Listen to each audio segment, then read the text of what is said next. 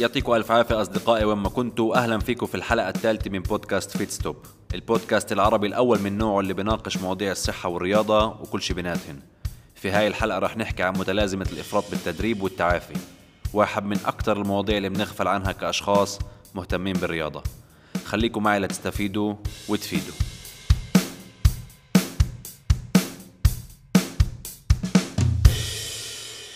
بعالم الرياضة ما حدا بيوافق مع حدا. كل مدرب عنده رأي وفي اعتراض تقريبا على كل مبدأ رياضي مهما كان بسيط أو معقد. ولكن كمان في مبادئ قليلة جدا اللي في عليها موافقة شبه ساحقة من المختصين والغير مختصين بالمجال. واحد من هاي المبادئ هو مبدأ التعافي والاستشفاء من التمارين وأهميته للشخص الرياضي. وعلى هذا الأساس عم نشوف اهتمام كبير ومتزايد من مدربين ورياضيين بالبحث عن طرق بتحسن عملية الاستشفاء إن كان عند الرياضيين الاحترافيين أو عامة الشعب مثلي ومثلك. ومنشوف كمان اهتمام كبير من الباحثين للتوصل لأحسن وأفضل طرق تعافي واستشفاء ممكن الشخص يعملها لحتى يحصل على نتائج أفضل. كتير مننا بفكر إنه المجهود اللي بحطه بالتمرين هو أهم عامل بمعادلة النتائج. يعني كل ما عملت مجهود أكبر رح أحصل على نتائج أحسن. هاي العلاقة بالآخر منطقية. بتتعب أكتر بتوصل لمحلات أحسن. كلياتنا سمعنا عبارات مثل no pain no gain. أو go hard or go home. وهاي العبارات صحيحة في كتير أوقات. مرات الإشي الوحيد اللي لازم تعمله هو إنك تعطي كل طاقتك ومجهودك بالتمرين لحتى تحصل على نتائج. بعد ما نعمل مجهود معين بصير في خلل بالتوازن اللي الجسم بيطمح له دايما. إذا بنعطي كل مرة مية بالمية من المجهود تبعنا بسرعة كتير رح نفوت في حالة إرهاق شديد. لأنه بالآخر فكر معي الموارد المتوفرة لنا للتعامل مع هذا المجهود هي محدودة. والحد الأهم اللي رح نحكي عليه في هاي الحلقة هو قدرتي على التعافي من المجهود اللي وضعته بالتمرين. قبل سنتين بالضبط مرت علي فترة صعبة جدا جسديا. بهاي الفترة أرهقت حالي بشكل يومي بالتمارين الرياضية الصعبة تحضيرا لمسابقة powerlifting محلية كنت حاب أشارك فيها. ال powerlifting للي بيعرفش هي رياضة قوة تنافسية اللي فيها بتنافس أشخاص من نفس الوزن على رفع الوزن الأكبر بالتمارين الكبيرة أو ما يسمى ال big three squat deadlift وضغط الصدر أو ال bench press خلال التحضير برنامجي كان يتضمن squat ثلاث مرات بالأسبوع deadlift مرتين بالأسبوع وضغط الصدر أربع مرات بالأسبوع بالإضافة لتمرين ال cardio للحفاظ على قدرة القلب والرئتين. لشخص عادي ممكن يفكر الإشي مجنون. كيف يعني سكوات ثلاث مرات بالأسبوع وتمرين ضغط الصدر أربع مرات بالأسبوع؟ مش كتير هيك؟ بالفعل لمعظم الأشخاص تمارين من هذا النوع أكتر بكتير من شو أنت بحاجة لتحافظ على صحتك أو حتى أنك تطلع بالكتلة العضلية. ولكن الهدف هون هو أنك ترفع أكبر وزن ممكن ترفعه على الإطلاق بتمرين معين. وهون عم نحكي على الأوزان ما بقدر عقل يتخيلها. يعني الرقم القياسي بال deadlift على سبيل المثال عالميا هو 502.5 كيلو جرام يعني نص طن يا صديقي بترفعهن عن الأرض. أو 595 كيلو جرام بال squat. يعني بتحط هذا الوزن وبتنزل فيه قرفصاء تحت قوانين معينة. هيك أرقام بنفعش توصلهن أو توصل ل 20% منهن حتى بدون تدريب قاسي ومتوحش مثل تمارين ال powerlifting الجدية. بفترة التدريب بشي يوم فقيت رحت على التمرين زي كل يوم شريت مشروب الطاقة اللي بحبه ودخلت الصالة الرياضية. رحت على الزاوية وين بحب أتمرن ورتبت كل إشي تحضيرا لجلسة سكوات تقيلة. جبت الأوزان وبلشت أرتفع شوي شوي بالأوزان اللي بدي أستعملها. ولكن شعرت وزني المفروض يكون كتير خفيف إنه كتير تقيل. وما قدرتش أكمل الجلسة من كتر الإرهاق. ما عرفتش وقتها شو السبب ولكن ما فكرتش فيها كتير. قلت ممكن تعب متراكم شوية راحة وبتنحل الأمور. وكالعادة رجعت تاني يوم على الجيم. حاولت كمان مرة وكمان مرة والنتيجة كانت نفسها. تعب وإرهاق شديد وصعب علي أوصفه بكلمات. هذا الوضع استمر معي لمدة أربع أشهر. اللي بغض النظر قديش ارتحت أو نمت منيح أو أكلت منيح ببساطة مش قادر أرفع ولا إشي. ولا حتى ربع الأوزان اللي كنت أرفعها قبل. بهاي المرحلة صابني إحباط شديد وفتت بحالة اكتئاب وبلشت الأفكار تطلع براسي إنه بركي في إشي طبي مخفي ورا هذا التعب. بالآخر التعب هو واحد من أكثر العوارض شيوعا لكتير أمراض. رحت عند الطبيب وطلبت فحوصات دم وكل شي كان تمام. شرحت للطبيب شو مشكلتي وما كان في حل عنده غير ارتاح ولكن أنا عارف إنه عم باخد راحة كافي والإشي مش عم بيتحسن. بهاي المرحلة فتت دورت أونلاين على ناس مرقت نفس الإشي أو إشي مشابه وتفاجأت إنه كتير أشخاص عانوا من نفس المشكلة ومرقوا بنفس المرحلة اللي أنا مرقت فيها. وكانوا يحكوا كتير على ظاهرة بتصير عند الرياضيين اللي اسمها متلازمة الإفراط بالتدريب أو ما يعرف ب overtraining syndrome قبل ما نحكي على متلازمة الإفراط بالتدريب لازم نحكي عن مصطلح التعافي. شو يعني تعافي أصلا؟ وكيف بعرف هل عم بتعافى بشكل كافي أو لا؟ مصطلح التعافي هو مصطلح عام. اللي بيشير لقدرة الجسد النفسية والجسدية للتأقلم وإعادة الجسم لوضع التوازن أو ال equilibrium لما منقوم بوضع ضغط على الأنسجة المختلفة بالجسم عن طريق رفع أوزان، تسلق أو سباحة أو ممارسة فنون قتال على سبيل المثال الجسم بيكون في حالة من التوتر وعدم الاتزان لفترة من الزمن. إما بسبب الضرر اللي حصل للأنسجة المختلفة مثل العضلات، الأوتار، العظام وإما للضغط الكبير اللي واجهه جهاز الأعصاب المركزي وسبب الإرهاق. أو ممكن بسبب التعرق وخسارة السوائل والأملاح. في كل هاي الحالات الجسم بخرج من التوازن اللي هو متعود عليه وهون لازم يكرس كل الموارد المتوفرة له لحتى يعيد هذا التوازن ويحسن من قدرتك للتعامل مع هذا الضغط إن صار كمان مرة بالمستقبل. هدفنا بالآخر من التمارين الرياضية هو إنه نوصل لهاي المرحلة لمرحلة التأقلم اللي الجسم بيقوم فيها بعد مجهود معين. التأقلم هذا ممكن يكون عن طريق بناء أنسجة جديدة مثل العضلات أو تحسين من قدرة القلب والريات أو تدريب جهاز الأعصاب يطلق أوامر بطريقة فعالة أكتر لحتى الجسم يقدر يحاكي أنماط معينة اللي بتحاكي الرياضة اللي عم نمارسها بأفضل طريقة ممكنة. لما الولد الصغير بيبدأ بالمشي جهاز الأعصاب بتعلم أنماط المشي وبصير يعطي أوامر دقيقة جدا للعضلات المختلفة بالانقباض بتسلسل معين وبتوقيت معين لحتى يقدر الولد يمشي بدون ما يوقع. وبالضبط هيك بصير برضه مع شخص بتعلم يركب دراجة هوائية لأول مرة أو يعزف على آلة موسيقية لأول مرة. اللي عم نعمله في كل هاي الحالات هو تعليم جهاز الأعصاب كيف ووينتا وبأي حدة لازم يتواصل مع العضلات المختلفة. بشكل أو بآخر هذا اللي عم نحاول نعمله مع الرياضيين في مجالات رياضة مختلفة. طبعا كل مجال بحاجة لأنماط مختلفة وطرق تدريب مختلفة.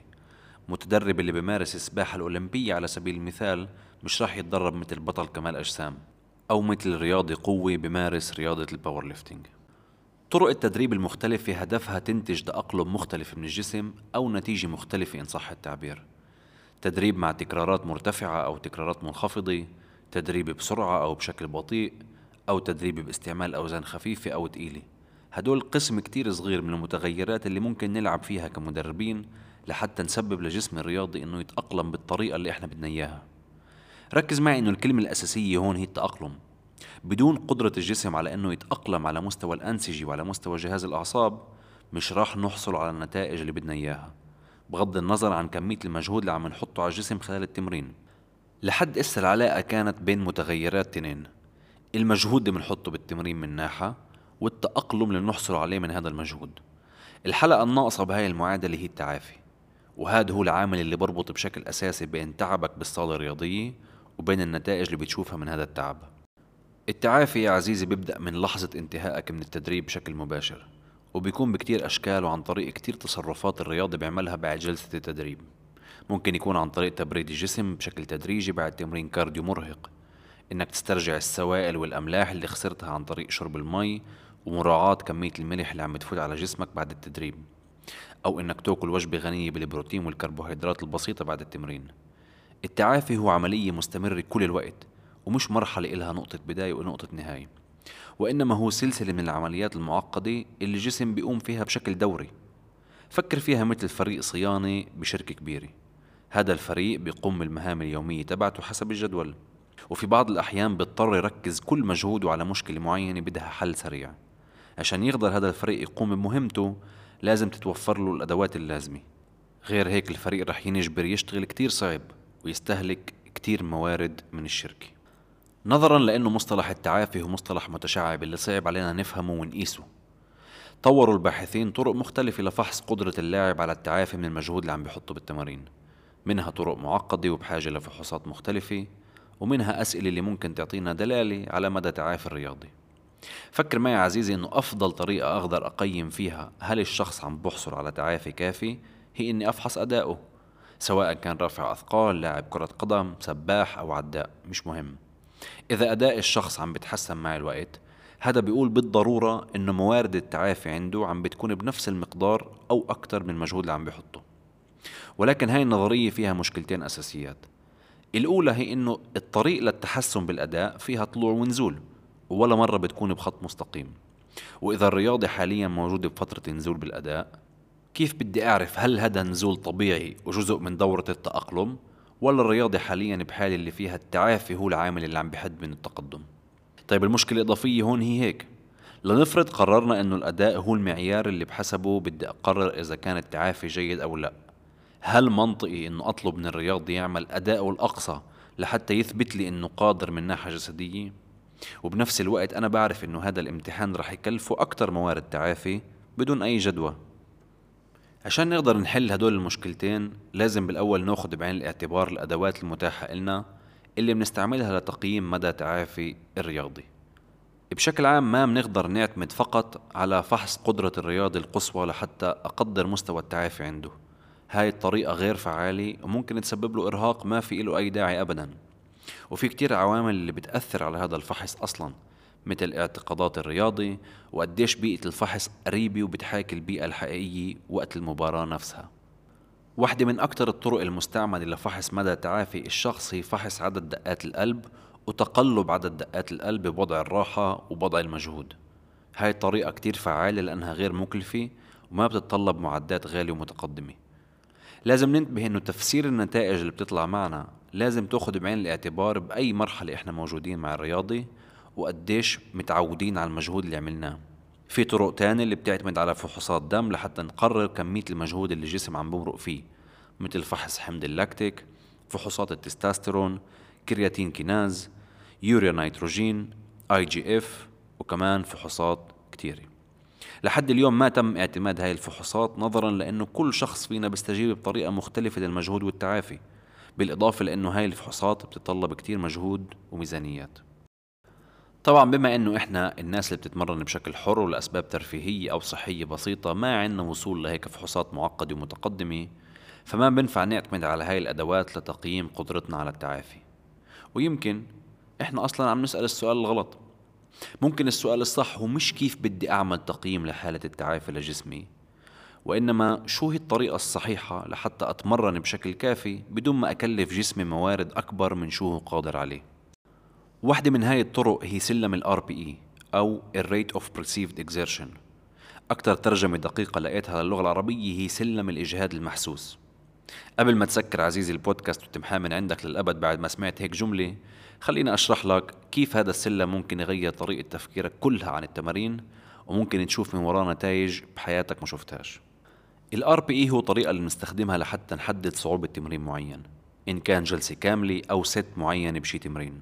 وبيكون عن طريق تقييم صعوبة التمرين من سلم من واحد لعشرة واحد هو مجهود شبه معدوم زي إنك قاعد ومسترخي مثلا وعشرة يعني أقصى مجهود ممكن توصل له مهما حاولت بصعوبة لنفرض أنا مدربك وبكتب لك بالبرنامج إنك لازم تعمل ثلاث مجموعات سكوات وبكل مجموعة أعمل 12 تكرار على سبيل المثال هل بتفهم من هذا الطلب شو الوزن اللي لازم تحطه على العمود؟ أو هل بتعرف شو الصعوبة المطلوبة منك؟ الجواب هو لا. في معلومة ناقصة هون اللي ما وصلت لك إياها بهذا الطلب. والمعلومة الناقصة هي شو الصعوبة المطلوبة منك بكل مجموعة. يعني الطلب الصحيح ممكن يكون هيك. اعمل ثلاث مجموعات squat كل مجموعة 12 تكرار المجموعة الأولى ب RPE 7 المجموعة الثانية ب RPE 8 والمجموعة الثالثة ب RPE 9 هون أنت بتفهم إنه المجموعة الأولى المفروض تكون أهون مجموعة والمجموعة الأخيرة لازم تكون أصعب مجموعة. كيف عرفنا؟ عن طريق استخدام إرشادات ال RPE طيب شو علاقة ال RPE بالتعافي؟ إذا متذكرين حكينا على سلم ال RPE بسياق التعافي إذا شو العلاقة بيناتهن؟ فكر معي عزيزي المستمع بال RPE زي عداد الحم بسيارتك محرك السيارة بيشتغل بشكل كتير منيح لما درجة حرارته بتكون بنطاق معين أعلى من هيك رح يحمل محرك كتير وأقل من هيك مش راح يقدر ينتج نفس القوة وبنفس الكفاءة وإذا عم نحكي على سيارات سباق هذا الموضوع بصير له أهمية مضاعفة. سلم بي إي هو عداد الحمل اللي أنت لازم تستعمله عشان تخلي جسمك ماشي بالطريق الصحيح. أكتر من اللازم مجهود وراح نشوف أضرار كتير كبيرة وأقل من اللازم مجهود مش راح نشوف نتائج أبدا.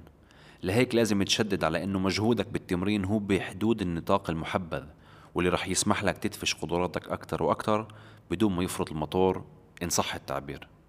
بأبحاث معينة آه على سيرة الأبحاث. كل الأبحاث اللي اعتمدنا عليها في هاي الحلقة موجودة في وصف الحلقة لأني بعرف إنه في نيردز بالجمهور اللي بحبوا الأبحاث كتير. ما علينا. بدراسات معينة لقوا إنه في علاقة قوية جدا بين المجهود اللي حطيناه بالتمرين لبين ردة فعل الجسم بعد التمرين. ردة الفعل هاي منقيسها عن طريق الفحوصات اللي ذكرناها قبل.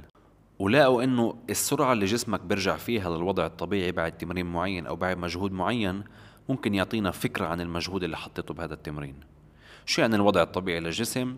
يعني رجوع عدد دقات قلبك وضغط دمك للوضع الطبيعي ما قبل المجهود وكمية استهلاك الأكسجين بعد التمرين أو ما يعرف بالإيبوك وبحسب هاي الدراسة سرعة رجوع دقات قلبك للوضع الطبيعي كانت مرتبطة بشكل نوعا ما قوي مع المجهود اللي أنت شعرت فيه خلال التمرين بأبحاث أخرى لقوا إنه استعمال سلم RPE ممكن يكون طريقة ممتازة لحتى ناخذ بعين الاعتبار كل العوامل اللي بتأثر على التعافي بدون ما عن جد ناخذها بعين الاعتبار. كيف يعني؟ خذ هذا المثال. لنفرض أنت في هذا الأسبوع رحت على الجيم وعملت عشر رجعات squat بوزن 100 كيلو. وصعوبة هذا ال set كان 8 يعني كنت بتقدر تعمل كمان رجعتين كاملات برياحة. يعني الصعوبة كانت مرتفعة ولكن ما وصلت لفشل عضلي. طيب إجيت الأسبوع الجاي وحطيت المية كيلو على العمود. لكن هاي المرة شعرت بالرجعة الأخيرة إنك بتقدرش تعمل ولا رجعة زيادة يعني RPE 10 هون ممكن نستنتج إنه أدائك انخفض ولكن ما بنعرف ليش هل ما نمت منيح خلال الأسبوع؟ هل الضغط النفسي كان عالي كتير عندك؟ هل استهلكت كمية أكل كافي خلال النهار؟ هل في إرهاق شديد من التمارين؟ أنا فعلا ما بعرف ليه ولكن بعرف إنه كان في إشي غلط بدون ما أقعد أفكر بكل هاي الشغلات وحدي وحدي طبعا هذا المثال للتبسيط والتحليلات ما بتكون بهاي السهولة وعلى الأغلب انخفاض من هذا النوع ممكن يكون طبيعي جدا ولكن هذا الشرح هو لغرض توصيل الفكرة. في حالات قصوى الجسم فيها مش قادر يتعافى بشكل كامل من التمارين أو في حالات اللي مش عم نعرف فيها نقيم الموارد المتوفرة إلنا للتعافي بشكل صحيح ممكن نوصل لما يسمى متلازمة الإفراط بالتدريب أو ال overtraining syndrome وهي حالة اللي فيها انخفاض حاد وطويل الأمد بالأداء اللي بيجي بعد فترات مجهود غير مناسب. وممكن يتعرض الرياضي لخطر الإصابات أو ببساطة إنه ما يكون قادر على ممارسة الرياضة اللي بحبها بتاتا. ولحد اليوم ما في طريقة لتشخيص هاي الحالة بشكل مباشر. لهيك التشخيص بيكون عن طريق استبعاد حالات أخرى مثل حالات طبية أو حالات نفسية ممكن نفحصها ونقيسها. في دراسات معينة وجدوا طرق مختلفة لتشخيص متلازمة الإفراط بالتدريب عن طريق فحوصات دم متنوعة وأسئلة للرياضيين اللي هدفها فحص حالتهم النفسية بالأساس وفحص عاداتهم اليومية. ولليوم هذا أقرب إشي وصلنا له من ناحية علمية لتشخيص هاي الحالة. واحدة من الجمل المشهورة كتير المتعلقة بمتلازمة الإفراط بالتدريب هي نوعا ما بتشير للمشكلة الأساسية وهي إنك مش عم تتدرب بشكل مفرط ولكن عم تتعافى بشكل قليل جدا.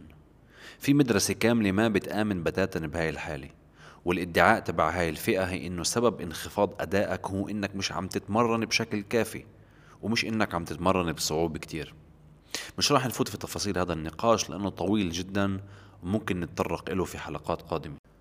زي ما حكينا من قبل الانخفاض بالأداء ممكن يكون جزء من مجرى التقدم الطبيعي تبع الرياضي فإحنا بنشوف إنه في دورة معينة اللي فيها محطات معينة. محطة اللي الرياضي بيعطي فيها مجهود كبير وراها بيكون في انخفاض بالأداء ومن بعدها بيرجع الأداء مش بس كيف كان قبل وإنما أحسن. وهي الظاهرة بسموها باللغة العلمية over reaching أو التجاوز. وهاي هي النتيجة الرئيسية اللي إحنا بنطمح إلها وبنبني برنامج التمرين لحتى نوصل لإلها بطريقة فعالة وبنجاح.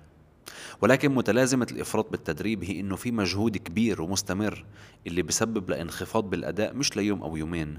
ولا أسبوع أو أسبوعين وإنما عم نحكي لأشهر طويلة. أشهر طويلة اللي الرياضي ما بيقدر يقدم فيها أي أداء يذكر. وإنتوا فاهمين إنه هيك فترة ممكن تنهي حياة رياضيين مهنيا بشكل تام في حال ما تم تقديم العلاج لهي الحالة بشكل فعال. متلازمة الإفراط بالتدريب ممكن تضم وتسبب عوارض كتير مثل الصعوبة بالنوم العصبية دقات القلب السريعة ارتفاع ضغط الدم اضطرابات بالأكل والشهية اكتئاب وأوجاع بكل الجسم بالذات بالعضلات والمفاصل. يعني باختصار شديد الموضوع جدي جدا وللأسف ممكن تكون عواقبه وخيمة للشخص اللي بيعاني من هاي المتلازمة طيب شو مع العلاج؟ هل في علاج فعال لهي الحالة؟ للأسف اختلف العلماء في تقديم علاج فعال أو بروتوكول فعال لعلاج ظاهرة الإفراط بالتدريب نظرا لأنه المشكلة الأساسية بعدها مش مفهومة إلنا بشكل واضح يعني ممكن يكون في كتير أسباب اللي عن طريقها الشخص ممكن يوصل لهي الحالة وفي نظريات كتير بتشرح الموضوع ولكن هاي التفاصيل هي خارج نطاق هاي الحلقة. العلاج الفعال الأكثر منطقية هو الراحة والعودة التدريجية للتمارين بشكل مدروس مع خبراء بالتدريب بالإضافة لخبراء نفسيين نظرا للعوارض النفسية اللي بترافق هاي الحالة من اكتئاب وخوف. في هيك مرحلة مهم جدا تحديد الأهداف والتوقعات تكون مفهومة للرياضي وللمعالج. شو كل هذا اللي حكينا عليه بيعني إلك؟ أنت الشخص العادي اللي بتتمرن بالجيم ثلاث مرات بالأسبوع وعايش حياة معاصرة بكل ضغوطاتها النفسية والجسدية بصراحة بين الكاش كتير. بهذا المستوى الغير تنافسي مش لازم كتير تحط تشديد على إنك تحسن كل العوامل اللي بتأثر على الأداء. يعني مجال الخطأ عندك أكبر بكتير من شخص رياضي تنافسي والإمكانية إنك توصل لمتلازمة الإفراط بالتدريب منخفضة جدا. بشكل عام إذا بتركز على هاي الثلاث نقاط اللي رح أحكي لك إياها حاليا رح تغطي 90% من موضوع التعافي والاستشفاء. أولا حافظ على نظام غذائي متزن. تعملش حركات بهلوانية بنظامك الغذائي لأنه هرموناتك بتتأثر كتير من التغييرات الحادة هاي. تنين ركز على النوم بساعات الليل بين سبع لثمان ساعات وبجودة عالية جدا. حاول فيه كل يوم تقريبا بنفس الساعة. تلاتة روق أعصابك. الضغط النفسي بقتل. هاي مش عبارة بسيطة وإنما فيها كتير من الصحة. استعمل كل الوسائل اللي بتخفض الضغط النفسي إن كان علاقاتك الاجتماعية أو إنك تعمل فعاليات بتحبها. موضوع التعافي كبير كتير ومتشعب وممكن نحكي عنه ساعات طويلة. الإقبال على التمارين الرياضية عم بيزيد مع الوقت وهيك واجبنا كمدربين وأشخاص مهتمين بالرياضة نوعي اللي حوالينا لأهمية التعافي والاستشفاء من التمارين. وهيك بنكون وصلنا لنهاية الحلقة أصدقائي. طبعا ما في حاجة أوصيكم. بنبسط كتير إذا بتعملوا فولو للبودكاست وبتشاركوه على وسائل التواصل الاجتماعي لتعمل فائدة. ولا تنسوا متابعتي على صفحة الإنستغرام اللي فيها بنشر معلومات رح تفيدكم كتير برحلتكم الرياضية. يعطيكم ألف عافية وأراكم بخير في الحلقات القادمة.